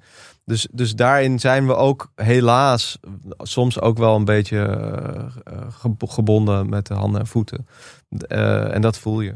ja, precies. Dat is waar wij het ook over Ja. hadden met iemand als, als Pierre Bokma. Die kun je natuurlijk ook niet Die zomaar kan even ik ook drie geen, maanden die kan ik ook geen lied geven. Nee, want Nee. Die, die, die, die zit bij wijze van spreken... Of nou, volgens mij letterlijk zat hij... ik had net drie draaidagen met hem. En tussendoor zit hij, speelt hij een of ander groot Shakespeare stuk in, in Berlijn. En in de drie weekenden dat hij terug is... vindt hij het leuk om bij ons op de set te zijn, weet je wel. Dus, dus ja, daar zit, je, daar zit je wel een beetje... Maar dat is wel de onder. reden dat hij ook een eh, baard heeft in seizoen 3. Klopt, ja. ja. Dat hij Richard speelde Ja. of zo. Ja. Ja, ja, Ja. ja. dus die continuïteit heb je ook niet helemaal kon doen. Ja, en dat, dat, dat, dat stopt natuurlijk ook ergens. Omdat bij ons was al de, zeg maar de, de, de suggestie dat Pierre Bokma het waarschijnlijk heel tof vindt. Waardoor hij wel gewoon iets aan ruimte geeft. Maar dat zal in de breedte gelden voor de, de voorbeelden die je net aanhaalt met Robert en met Said. Het geldt voor iedereen. Je vindt het heel vet, maar Ja. het stopt Bedoel- ook ergens in hoe... Nee, maar het, ligt niet alleen in Per Bokma. Want, want wat, wat Aaron net ook zei. Ik bedoel, eh, in Marwans eerste seizoen zat hij ook in een andere film. En dat, ja, dat beperkt je gewoon. Zeg maar. Ja. Het legt gewoon heel veel druk. Vooral omdat we Aaron gewoon... is niet eens beschikbaar voor het volgende seizoen. Nee, vo- vooral omdat we, omdat we zeg maar... eh, nou, ja, omdat je dus met 60 eh, castleden zit. Ja, Ja. het is gewoon echt een... nou, ik ben blij dat ik persoonlijk die puzzel niet hoef te leggen. nee, om het allemaal passend te ze- maken. Ik snap niet hoe ze, want hoeveel, hoeveel episodes heeft, heeft eh, Sopranos? 22 of zo? Zoiets. Ja? Nou, eerst, Nee, eerst, nee, la- dertien, eerst nee, weinig, ja. later op het eind wordt het meer. Het is, maar dat is, het is zo ziek veel content. ja. Ik snap gewoon niet hoe ze dat time-wise deden of zo. Het is, maar bijvoorbeeld als je kijkt naar Star Wars of zo, of Star Trek, dat is natuurlijk wel wat simpel, is allemaal studio. Maar die had wel gewoon, hoeveel seizoenen heeft die shit wel niet? Gewoon vier, vier, Ja, maar 12 goed, dat is hetzelfde van als goede 24 tijden, zeg maar. Weet je wel? Bedoel, daar Ja, zet je iemand op ja, vast, die krijgt gewoon een salaris per maand en gewoon hou je bek en kom opdraven, zeg maar. Ja, dat is niet de realiteit waarin wij werken. RTL, goede tijden. Hoezo heeft Sjoerd nog steeds fucking geen gig in goede tijden? We don't hebben know, één droom. Hoe, hoe moeilijk kan dit zijn? Ik denk dat het wel gaat gebeuren. Volgens Ja. mij zei Romano ook eens, of Mandela zei gisteren. Want hij was dan eh, bij die Q&A heel lief aan het zeggen wat hij allemaal aan het doen is. En dan noemde hij een kledingmerk op. Waar die, en zei eh, Mandela, zei hij fucking meer, meer werk dan wij allemaal. Man. Gaat wel lekker. Eh, om ook nog even terug te komen op eh, een, een beruchte scène in dit seizoen, eh, Victor. Misschien wil jij nog even je podium grijpen om de tripscène van Komt Goed te verdedigen. Nadat wij daar... Oei. Ja, Oei. nee, ik denk we moeten hem toch even noemen. Ja, Dat, nee, goed gedaan, Alex. Jij bent een kritisch journalist. Ja, verdedigen, verdedigen. Nee, ja, ik ga, ik ga me niet zitten verdedigen. Nee, ja, nee, ja je, je, je wil een. Eh, de, de, de, de weg die gelegd was voor Komt Goed, was dat, dat we hem eigenlijk op een pad wilden zetten. Dat de keuze om het, een ander leven te kiezen dus er steeds was, zeg maar. Ehm, eh, want eigenlijk maakte die keuze aan het eind van seizoen 3 ook al deels. Dus eh, een beetje de, de once I thought I was out, but they pulled me right back in, zeg maar, dat Mhm. gevoel. Ehm, en dat, dat was daar een, eh, een vorm in ook, zeg maar. En ehm, eh, ik zal je het alternatief besparen wat het ooit was in het script. Jij weet het, maar Ik, eh, we, ik- we ik houden het onder de tafel. Ehm, eh, en, en ik ben uiteindelijk, ben ik, ben ik, ben ik, bedoel, het is wel een gekke sequentie geworden, zeg maar. En, en daarin, daarin probeer je een, een wereld te laten zien die, die zo ver afstaat van de wereld waar, die hij normaal kent. Ehm, en ehm, ja, dat, dat, die, die wereld is voor de kijker misschien ook net een stap te ver, zeg maar. Maar ja, dat leer je alleen maar door om te zetten, zeg maar. Je moet ook een beetje risico nemen Precies. af en toe Ja, inderdaad. absoluut. Je moet ook af, af en toe eh, eh, mensen uitdagen of zo. Ik kan trouwens iedereen aanraden om naar dat Next Museum te gaan. Is best wel sick. Met of zonder paddo's? Ja, daar- Ja. Wat je Ik dacht weet. echt dat je ging zeggen, kan iedereen aanraden om paddo's te doen. What's going ik zou niet weten. Ik zou niet weten. In, in hoeverre, in hoeverre is die ruimte er? Want het is, het is allemaal soort van pact en, en, en tijdsdruk en budgetdruk en zo. In, in, in hoeverre zou er eventueel ruimte zijn? Want er was dus een alternatieve versie. eh, Dat is een beetje getweakt. Maar in, in, in- in hoeverre is die ruimte er om überhaupt te zeggen van... moeten we een andere weg op? Of is, is dat gewoon niet aan de regisseur? Hoe bedoel je? Ja, gewoon om, Om, om aanpassingen. aanpassingen te doen aan, aan de episode als geheel, zeg maar. Of is dat... Eh, ja, er zijn, daar zijn altijd wel, ik bedoel, eh, daar is altijd wel ruimte voor. Kijk, ik was bij die ontwikkeling was ik ook al wat nauwer betrokken dan alleen als regisseur. Eh, dus, dus ja, dat is altijd. En, en die ruimte is er eigenlijk altijd wel, zoals ik die heb gevoeld, Ja. om te zeggen: hey, volgens mij werkt dit niet, maar werkt dat wel. Ehm, eh, en moeten we het zo oplossen? En daar komt ook heel vaak gewoon, ehm, hoe moet ik het zeggen, de realiteit om de hoek kijken. Als ik het heb over de afwikkeling van de season finale van seizoen 3. Zeg maar de hele lijn van Tata op het kamp vanaf aflevering 5 of 6 dat hij naar, naar zijn oom gaat, zeg maar. Die hele lijn heb ik toen tot, op- tot die, dus van al die afleveringen, totdat die shootout is, heb ik toen, toen helemaal als één ding, dus zeg geloof ik 40 pagina's, een soort hele aflevering. Die heb ik toen helemaal herschre- of soort van final ride gegeven om het te laten kloppen of zo. Ook op locatie. Ook op de locatie, ja, precies. Dus we, dit- dat stond eerst geschreven op een gigantisch kamp. En de helft van de Ja. shootout zou op dat kamp zijn. En zich, zou zich daarna verplaatsen via een bos naar een soort bunkerlocatie die daarnaast liggen. Ja, dat was allemaal geschreven, maar was gewoon totaal onrealistisch uiteindelijk productioneel. Dus die heb ik toen helemaal naar een soort minikamp in Amsterdam Noord Eh, waar, waar het, zeg maar ja, die gruwelijke scène met, eh, met Tonano uiteindelijk is voortgekomen, zeg maar. Dat moest een soort tijdrekscène worden. Ten, ten opzichte van wat er dan op die andere locatie kant, gebeurde. eh. Dus, dus, dus, dus dat werden drie locaties. Dat, moest, dat waren drie locaties waar op alle drie de locaties een shootout was. Met bijna voltallige eh A-list cast, zeg maar. Dus dat zijn, als je dat gaat uitrekenen gewoon in die sheets die ze dan maken. Ja, dat zijn dan extreem dure draaidagen. Ja. Want dan moet je iedereen beschikbaar hebben. Overal wapens. Dan moet je dus ook special effects mensen opzet hebben. Nou, het wordt nu een beetje technisch, maar nou, dat was gewoon veel te complex. En dan heb je dus als, als, eh, als regisseur, ik in ieder geval op dat moment, had ik dus heel veel zeggenschap in hoe we dat dan dus helemaal precies uitvogelen. Nou, dat gaan nog drie rondes overheen. En natuurlijk heb je, weet je, betrek je de scenaristen daar ook in. Maar daar heb je best wel veel invloed. Ehm, eh, en, en ik vind dat ook wel een kracht of zo. Ik bedoel, voor mij is productie ook altijd een creatieve kracht, zeg maar. Het is niet alleen, niet alleen de regisseur of de cameraman is creatief. Je moet ook heel creatief met je planning om kunnen gaan. En met wie is waar op welke locatie. En, eh, daar, ja, daar is wel veel, eh, ve- veel invloed in. En ook soms komt het gewoon omdat je dus... eh, gaat het ook over, ja, deze locatie kan niet in het verhaal. Er stond eh, eerst was het helemaal een andere locatie die in het script stond voor die voor, de, voor, als alternatief voor die stripscène. was geen tripscène. Toen dachten we het moet in een museum. Toen hadden we een bepaald museum gevonden wat in het bos lag. Nou, daar moet dan een busreis naartoe plaatsvinden. Nou, dat museum zei één dag voor, voor de shoot af. Moesten we een andere locatie vinden. Draaidag verplaatst. Ander museum wat in Amsterdam Noord ligt. Ja, dan ga je niet met. Iedereen weet, niemand gaat in Amsterdam met de bus, bij wijze van spreken. Dus ja, dan ga je met de pont of met Ja. de kankerfiets. En, eh, en eh, ja, dus, dus, dus Maar het is dus, het, eh, voor de luisteraars is dat ook wel gewoon interessant om te weten. Het is, het is veel flexibeler dan je vermoedt. Het is niet zo dat, dat deze serie van A tot Z is uitgetekend en daar wordt, Hij dat is wordt verstaan. absoluut van A tot Z ja, uitgetekend. Ja, wel, Ja, ja. het verhaal staat, Ja. maar er zijn dus allerlei fa- facetten waar je... Het is niet zo dat het aan één stuk van tevoren bepaald is. Als jij zegt één dag van tevoren zegt het museum af... dan wordt het toch in de uitwerking uiteindelijk ook anders. Ja, omdat, ja, dus het, en dat is ook de grote, of in ieder geval dat is de uitdaging van dit project, zeg maar. Omdat je gewoon heel weinig tijd hebt, heel veel... Da en, ehm, Soms valt Zo het goed en soms valt het niet goed. precies, Soms ja. wordt het alleen maar vetter. Maar zo is ook bijvoorbeeld die tuinscène tussen Samira en eh Paus in eh, seizoen 3, zeg maar. ja, ja, ja. Een van mijn favoriete scènes. Die is zo ontstaan, want die stond ooit... Die villa is, is supposedly in België. Eh, en die scène, die ontmoeting, die stond geschreven in een, in een zo'n Marokkaans visrestaurant. Eh, Wat best wel een vette plek is. Zeker. Ehm, maar nou ja, daar, dat betekent dat we één scène moesten draaien in een Marokkaans visrestaurant. Die hadden we in Amsterdam-West gevonden. Maar dat is, dan, ja, dat is dan heel bewerkelijk om voor één zo'n scène daarheen te gaan.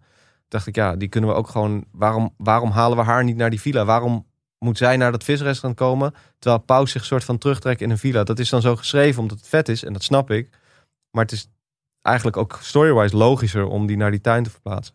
Of naar die villa. En toen dacht ik, ja, dat doen we het in die tuin. Wat eigenlijk heel onlogisch voelde. Zij zeiden ook toen ze hem daar voor het eerst doorspeelden. We hadden hem wel gerepeteerd daarvoor. Gewoon in een repetitieruimte. Of doorgenomen. En toen stonden we in die tuin. Toen zeiden ze, moeten we dit nu hier spelen? Want het voelt best wel onwerkelijk. Of onrealistisch Het, het, werkt, het werkt En uiteindelijk nee, Ja. trust me, het gaat vet werken. En het Ja. werkte gewoon Ja. heel goed, zeg maar. Ehm, en en da- dat, is, dat is wel hoe je met elkaar dat maakt. Of zo. Hele belangrijke villa-vraag. 13 kilometer. What the fuck? Romano en zijn maat, die moeten 13 kilometer Ja, lopen. ligt de... dicht in het bos. Je wilt toch eh, uit... eh, Weet je hoe ver bed- 13 Ja. kilometer lopen is, Victor? Daarom joh, het moest donker worden in die, in die, in die periode. Ja, hij is vet aan het zweten. Ja, hij is vet aan het zweten Ja, joh. Weet je hoe lang ik heb over nagedacht hoe ver dat moet zijn? De- Staan, staan jullie wel stil bij het, het, was- het, het tijdsbesef, zeg maar? Voor ons is het af en toe eh, in dat Ja. scène voor scène naspelen... dat je niet helemaal weet van... is er een week voorbij? Is dit dezelfde dag? Je moet dat ook een beetje losnemen. En plus, dat wisselt ook weer in de edit. Want dan switch je ineens scènes. Oorspronkelijk was de scène van eh, de dood van eh, vader van Komt Goed ook niet vast aan dat gesprek met Tonano in de auto. Maar dat, want dat zou veel later op de dag in het script plaatsvinden. Ja. Maar toen moest we van, nou, dat moet gewoon gelijk gebeuren. Dat is veel vetter. En dan, ja, dan is het, ah kut, is het daar eigenlijk al, dus de zon is net iets anders. Ja, whatever, daar kijk je wel gewoon doorheen. Ja, ja, maar dat, we kijken er ook wel doorheen. Maar het is wel vaak een vaststelling dat wij gewoon in dat gesprek denken... gebeurt het nou echt heel snel? Of, of gaat er nu een dag over dat, we er echt niet, over dat het niet verteld wordt, zeg maar. Is het echt een hele hectische maand geweest? Afgelopen twee Soms- maanden voor pauze. Nee, nee, dat, soms, heb ik inderdaad dat er Ja, inderdaad op één dag gewoon dat ik denk, serieus gebeurt dit, dit, dit, dit, dit, dit, dit, op die ene dag. Ja. Want dat zijn dan scriptdagen, zeg maar. Je moet Ja. scriptdagen gewoon qua wat heeft wie, wie heeft wat aan. Eh, Dat noem, noem je dan een scriptdag. En dat zijn dan scène 1 tot en met scriptdag 1, scriptdag 2. Nou ja, zo maak je een breakdown. Ehm, en eh in the end, it doesn't matter of zo. En, en, en ik weet ook niet per se 100% het tijdsverloop. Soms is het ook wel dat ik denk, heeft hij, nou, dit is toch gewoon dezelfde dag of zo. En mensen hebben daar ook soms ook wel een soort andere interpretatie van. Ja, Maar om eh, terug te komen op specifiek dat dat ehm, eh, dat gaat ook over montage, zeg maar. Dat, dat, dat voorbeeld van die 13 kilometer, zeg maar. Eh, soms draaien scènes die gewoon niet werken. Eh, en dat komt dan niet omdat het slecht spel is, kan, maar het kan ook iets anders zijn. Kan ook gewoon zijn dat je op script, in script denkt, ik heb die scène nodig, maar die heb ik niet nodig. Dus eh, er zat ooit nog een scène tussen aan het begin van de aflevering waar Romano eh, een soort 1 2 had met Lenny, zeg maar, die guy die naast hem zit. Die een soort build-up was naar, we gaan naar die villa toe. Maar op de een of andere manier, daar klopte iets niet. En die kregen die scène niet goed. Maar die zat wel op die plek. En dat was eigenlijk aan het begin van die aflevering wel die scène die inzet. Oké, Romano gaat naar die villa toe. En toen op een gegeven moment eh, zei mijn editor... Ja, waarom laten we hem niet gewoon dan al daar dan uitstappen en naar die villa lopen? En dan duiken we daarna aan andere lijnen. En dan komen we ergens later weg. Of later terug dat hij daar door het bos loopt. Want dan hebben we in ieder geval heel duidelijk dat daar gevaar is of zo. Pauze is, want je speelt daar een beetje met het idee van... Is pauze in die villa of niet? Als Romano daar aankomt, toch? ja precies. Eh, dus dan moeten we eigenlijk dat direct aan elkaar koppelen. Gewoon story-wise. Gewoon hoe je, hoe je Ja, ik denk ook, ik denk ook En ergens... vervolgens is het dus, nou ja, dan moet, want hij zei origineel opzet, zei hij het is drie kilometer lopen, let's go. dacht ik, ja, maar dan wordt het te lang. Dus ik maak er 13 van of zo. en dat het dan, dat dan eh, een paar mensen denken, hoe ver is dat eigenlijk lopen? Dat is fucking ver. Ja, whatever of zo. Het is, het is belangrijker op dat moment, en dat is een soort piramide of zo. Je kiest Dat dan eerder voor je kiest dan eerder voor het verhaal en de emotie. Wat is belangrijker bij de kijker? Oké, pauze is in die villa, hij gaat daarheen. Dan uiteindelijk, ja, die afstand. Dat, dat is dan een soort, ja, oké, dat, dat, dat offer breng ik dan wel. Ja. Nou, het is ook, ik denk ook dat al- eh, bijna alle kijkers zoiets hadden van, of die, die horen het niet eens, zeg maar. Maar omdat je gewoon met je notitieblokje zit. Ja, Bij mij kwam, nou, ik moet wel eerlijk zeggen, het was, zonder, het was gisteren eigenlijk al in die zaal. Dat ik, hij zegt 13 en ik zeg tegen Alex, weet je hoe ver dat is? ja Dat was gewoon mijn, mijn instant reactie van, het is kapot ver lopen. We dachten dat ze misschien onderweg nog even iets hadden eh, om te drinken en te eten. om nog even een pauzetje in te lassen. Ja, dan moeten we, eh, maar, denk maar ik... het eh, grappige is namelijk, dat, eh, om daar even terug te komen, er zijn heel vaak dingen, en dat, is, dat vind ik leuk aan jullie podcast, waar ik dat heb op basis van het script, waar jullie Ja. overheen lopen. Dat vind ik het grappig om te zien. Soms zijn er, er gebeuren heel vaak dingen in het script waarvan ik denk, ik weet niet of we daarmee wegkomen. Dan komen we, en, dan, en dan valt het jullie niet eens op. Oh, Jezus, dat, wat een belediging dit. Dus, nee, nee, nee, hele- nee, helemaal nee, niet. Maar, niet. maar, maar dat is meer, ehm, dat, dat vind ik ook grappig. Of zo, Ja. merken. Maar heb je, daar, dit- heb je daar een voorbeeld van? Oh, Dat is heel lastig nu on the spot, kan ik me voorstellen. Maar Ik heb heel wel- lang zitten na zitten denken, hoe krijg je Adil uit die auto? Want die auto is een soort tank. Die auto's kosten drie ton. Mhm. Als je op een helling staat, dan doe, je, dan doe ik nog maar research. En die deur, dan krijg je die deur niet eens open. Die, die, die moet horizontaal staan om die deuren open te krijgen. Dus dat, kan je, dat, ben je- die, dat gaat gewoon never gebeuren. Maar dan, eh, dus dan hadden we bedacht van, nou, dan gaan ze slijptollen buiten of zo. Maar dat was ook allemaal werk en dat werkte niet. En de zon ging onder. En dan uiteindelijk in visual effects hebben we gewoon een soort van plof buiten neer. En dan gaat die deur open en dan is hij daar. En dan doe je een beetje een gat in de deur, visual effects er nog bij. En dan accepteer je het gewoon. Dus- Ja, maar dit, dit is wel het level, zeg maar, dat je, dat je dan aan de maakkant denkt van... Oeh, ik hoop niet dat ze... Maar jij doet sicker research om een geloofwaardige ontsnapping te doen. En wij hebben nul expertise met auto's die gepantserd zijn. Nee, en of ze op een helling niet het- open. Als het niet klopt, of als het niet. Je gaat het waarschijnlijk wel voelen als er niet iets zit waardoor je het, waardoor je het zo gaat accepteren of zo. Je moet precies tussen die. Hoe noem je, hoe die- dat ook weer? Die. eh, de suspension of disbelief, die moet je wel gewoon. eh, moet je overeind houden. Ja, Even te hard om te denken aan een voorbeeld van... Ik had er wel een paar. Ik heb... Even denken hoor. Eh, maar heel benieuwd eh, Ja. waar, ja, ik, ik, ik- waar we nu misschien, gevuurd misschien op... kom ik er nog op, maar... Maar eh, nu, nu even niet of zo. Nee, maar ik, ik kan me gewoon goed voorstellen dat het soms dat je, dat je zeg maar zo op detailniveau bezig bent. En, en daarin verwacht van oeh, werkt dit of werkt dit niet? En dat dat bijna, wat, wat ik zeg, wij gezamenlijk schrijven we echt alle scène voor scène uit, zeg maar. Dus het valt wel mee in de hoeveelheid zaken die erin zouden moeten zitten, waar wij, waar wij iets van zouden moeten vinden. Dat kan niet, of dat klopt niet, of dat denk ik oprecht wel. Ja. Want anders was het wel, eh, wel vaak. Ik denk voornamelijk dat wij het ook niet te zwaar vatten over, die, over de, de, de tijdsverloop. Van wel- welk Nee, moment maar bijvoorbeeld een heel praktisch voorbeeld. Ehm, in diezelfde aflevering, Tona- Tonano is in die tuin. Paus zegt, eh, waar is taxi nu? Waar is die Ibis nu? Ehm, dan gaan we volgens mij naar één andere scène. Ja, dan gaan we naar die scène in het bos. En dan de scène daarop is Uiteindelijk, eh, alweer bij die meubelzaak. Dat ja. is in Nederland. Ja. Ja, Daar, daar, ben je, ja. daar ben je niet mee bezig geweest. Nee, klopt. En, Nee, dat en, is wel en, en, goed. en dat bedoel ik of zo. Tijd en ruimte binnen dit project is, is, is zo eh, compleet fluïde. Dat je, en die vrijheid nemen we namelijk ook hoor, vaak. En daarin, daarin merk ik wel dat, dat, dat soms ben je een script daarmee bezig van hoe zit dat precies. Ehm, maar ja, de kijker, je ga bent daar niet mee bezig. Ik ga zeg nog gefocust kijken. wel- Hebben wij het ooit gehad over dat die villa in België staat?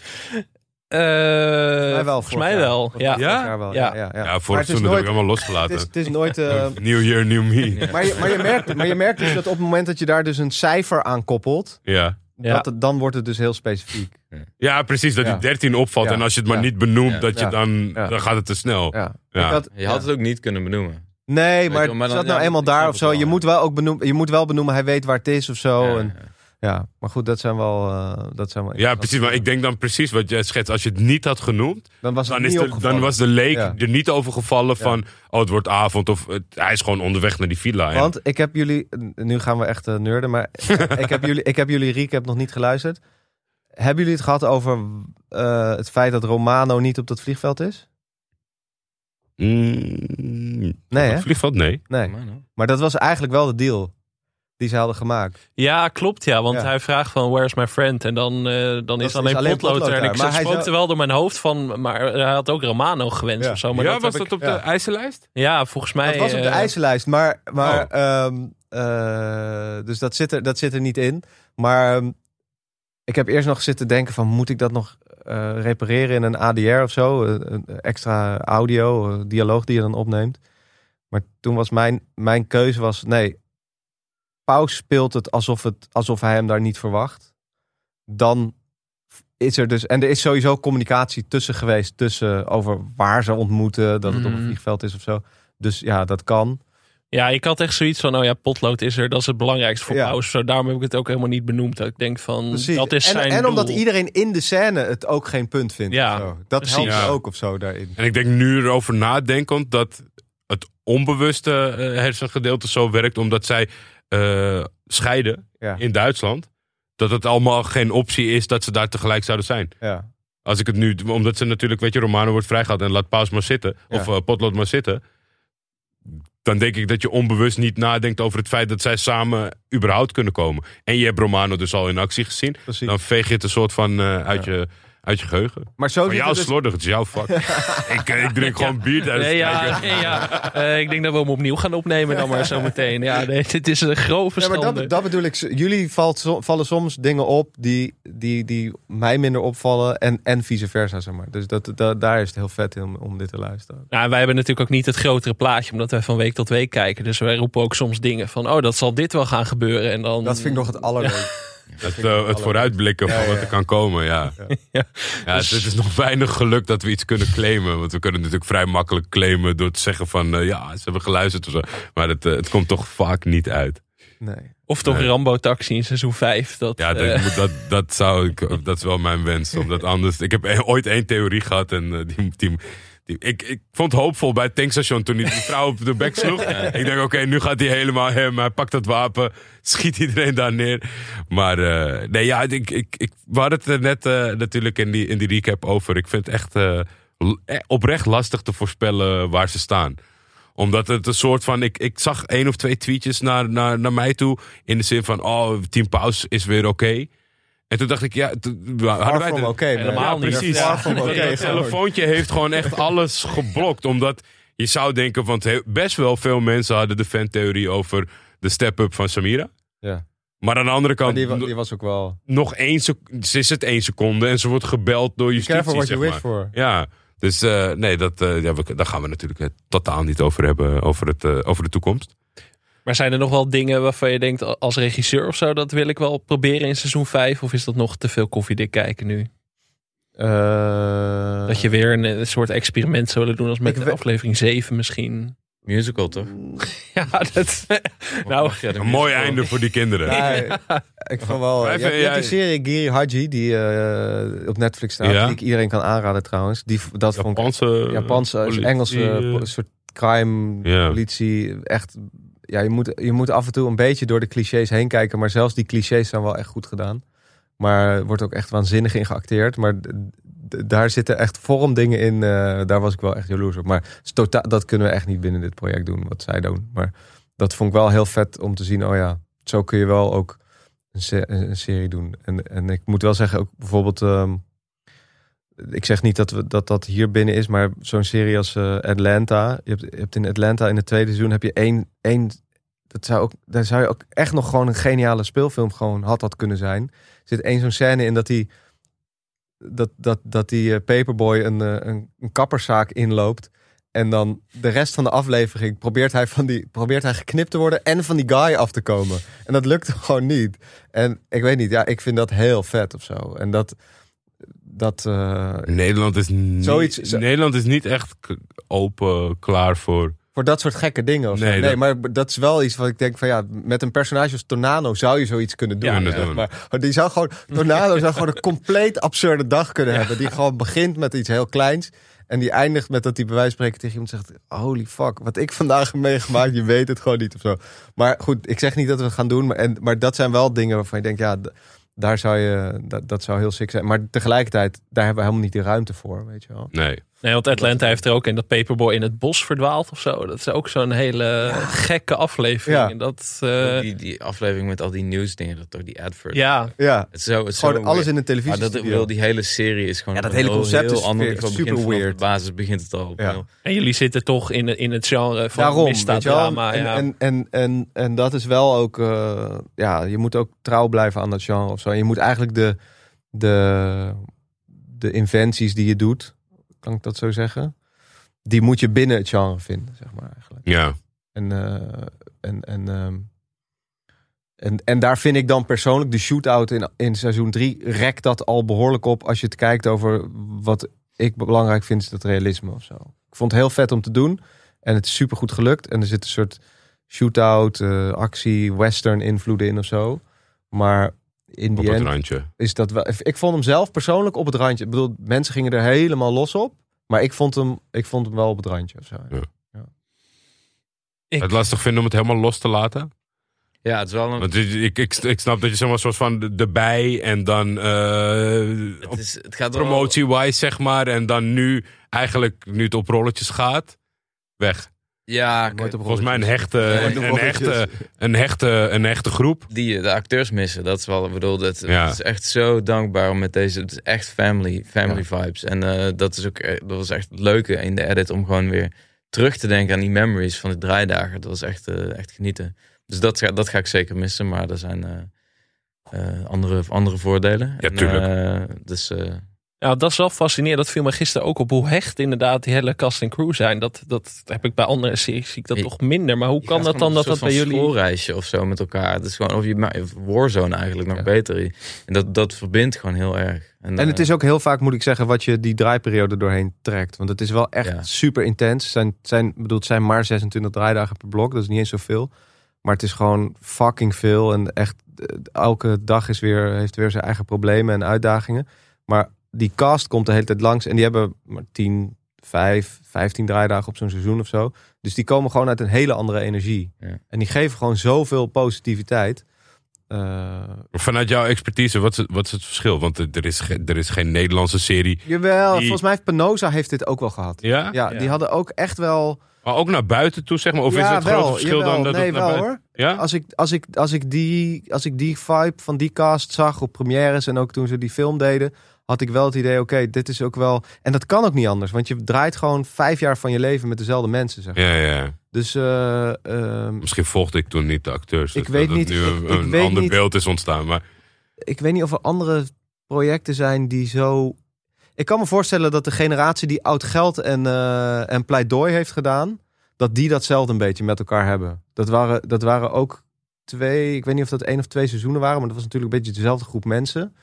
Dat die, dat, die, die ook zo met elkaar die vibe hebben of zo. je bent natuurlijk Kees Co. connoisseur. Was het bij Kees Co. ook zo gemoedelijk, denk je? Nee, die zijn best wel snel uit elkaar gegaan uiteindelijk. Die hebben heel veel meerdere kast gehad. Dus Ja. dat. eh, nee, maar dat, dat viel me wel op. Dat eh, dat, dat zo. eh, ja, dat dat heeft is ook wel een beetje te maken. Het, is, toch- het voelt ook, ook als Mokkermafia wel. Was al be- begonnen voordat jij erbij was. Maar het is toch een beetje dat habbekrats vibeje of zo. Waar, waar, daar was dat heel sterk. Met gewoon alles rondom het bedrijf of zo. Ik heb nooit iets gedaan voor jullie. Behalve ja, de making of dan. En, eh, ja. maar, maar toch heb ik het idee dat ik bij. Ik was wel meer. Ik was ook al een soort van. Bij Rabat voelt ook alsof ik daar een soort van deel van was. Ook er niks voor heb gedaan. Maar gewoon alleen omdat ik. eh, omdat ik eh, met, niet met Wouter kon monteren. Of Ja. omdat, ik, omdat Kevin daar een maand, anderhalf op, op vakantie was of zo. Of, ja. dus ik weet niet, het, het voelt gewoon als een familiaire ding of zo. En daar, is- daar is het wel een soort van, het voelt wel voor mij als een verlengstuk daarvan. Ja, zeker wel. Op zekere hoogte, absoluut. Ik bedoel, het is ook, ja, het is ook Ahmeds ding in die zin. En, eh, en, en daar, ehm, dat, dat heeft daar zeker connectie mee. We hebben ook heel veel acteurs teruggebracht. Of niet teruggebracht, maar acteurs die, Ja. die, die in die projecten zaten, die komen dan ook wel terug. Uh, Fouad, Aziz, eh, ja, Ismail, die zaten allemaal in Wolf. En dat voelt allemaal dan wel op de een of andere manier. En ehm, ja, dus dat, dat is wel vet, ja. Ik bedoel, als, als ik luister naar die podcast over de Sopranos, is dat hetzelfde of zo. Maar het komt gewoon omdat je zo- zo'n intens deel van je leven deelt.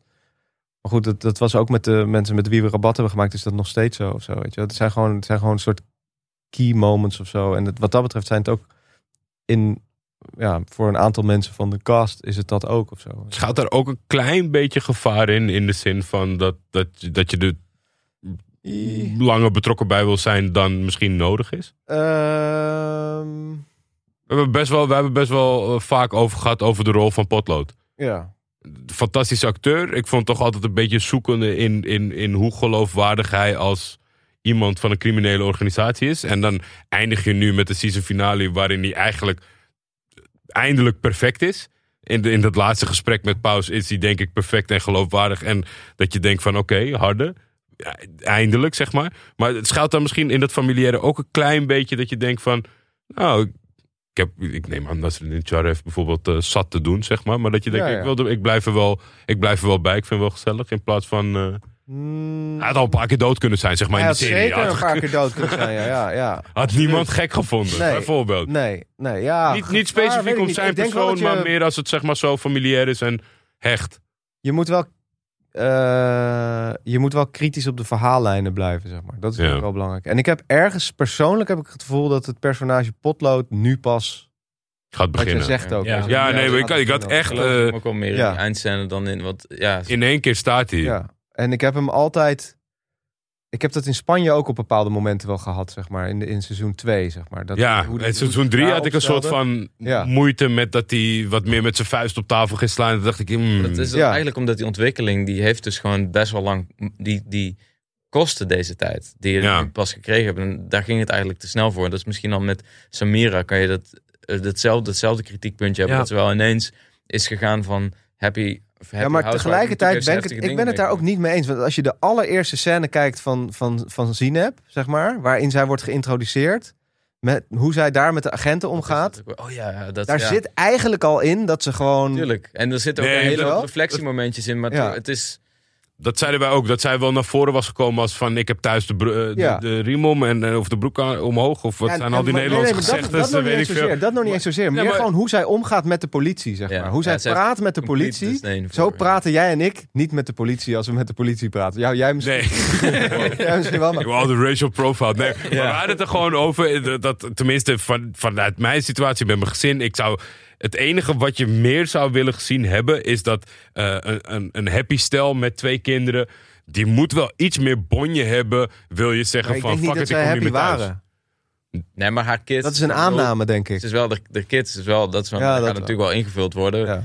Maar Ik, ik, dat is zeg maar een stukje van, al, al zou je twee keer nog thuis Nee, nee, een soort van je bonje bedoelt. gaat. Kijk, dat hij die lampen eh, laat flikkeren omdat ze niks tegen hem zegt. Het is wel heel weinig om te zeggen van Ja. ik ga naar mijn broer toe en ik spreek nooit meer met je. Ja. Dat, dat was een klein beetje aanvulling vanuit het rela- relationele, zeg maar. Want ik begrijp wat jij zegt, dat je meteen... Zij is wel goed weggezet als een harde. En dat zij misschien eh, diepere lagen heeft dan de huismoeder die de Ja. kinderen naar school Nee, je, zou, je, zou, je had wel- zeker een hele aflevering kunnen besteden aan haar Ja, want die, die ja, latere ja. ruzie dat zij aanhad van wat er gebeurt in dat hoerhuis, dat, eh, bij Paus thuis... Ja. Ja, Dat had ook nog- verleden. Die was echt vet. En die had je misschien nog een keertje vrijblijvend willen hebben voordat ze elkaar echt gewoon Ja.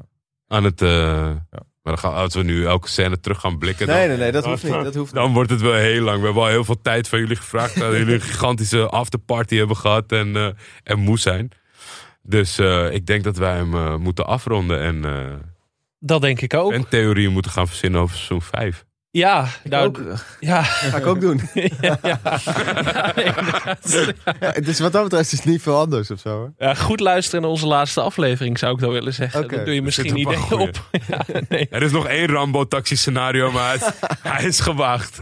nee, inderdaad. Ehm, Victor, Aaron, ik wil jullie heel erg bedanken voor jullie tijd. En voor het vierde seizoen ook gewoon. Ehm, Zeker. Het was wederom genoeg om er elke week over te praten. En om de meest eh, absurde theorieën te droppen elke week. En daar gaan we volgend seizoen ook gewoon mee door. Ja, en we hebben een eh, contractverlenging eh, hierdoor. eh, Ja, wij zijn, wij zijn Uitgeschreven. ook afhankelijk van Gisteravond, jullie. dat was Ja. mijn eerste gedachte met die, met die teaser van Season 5. Ik denk, lekker, die is verband.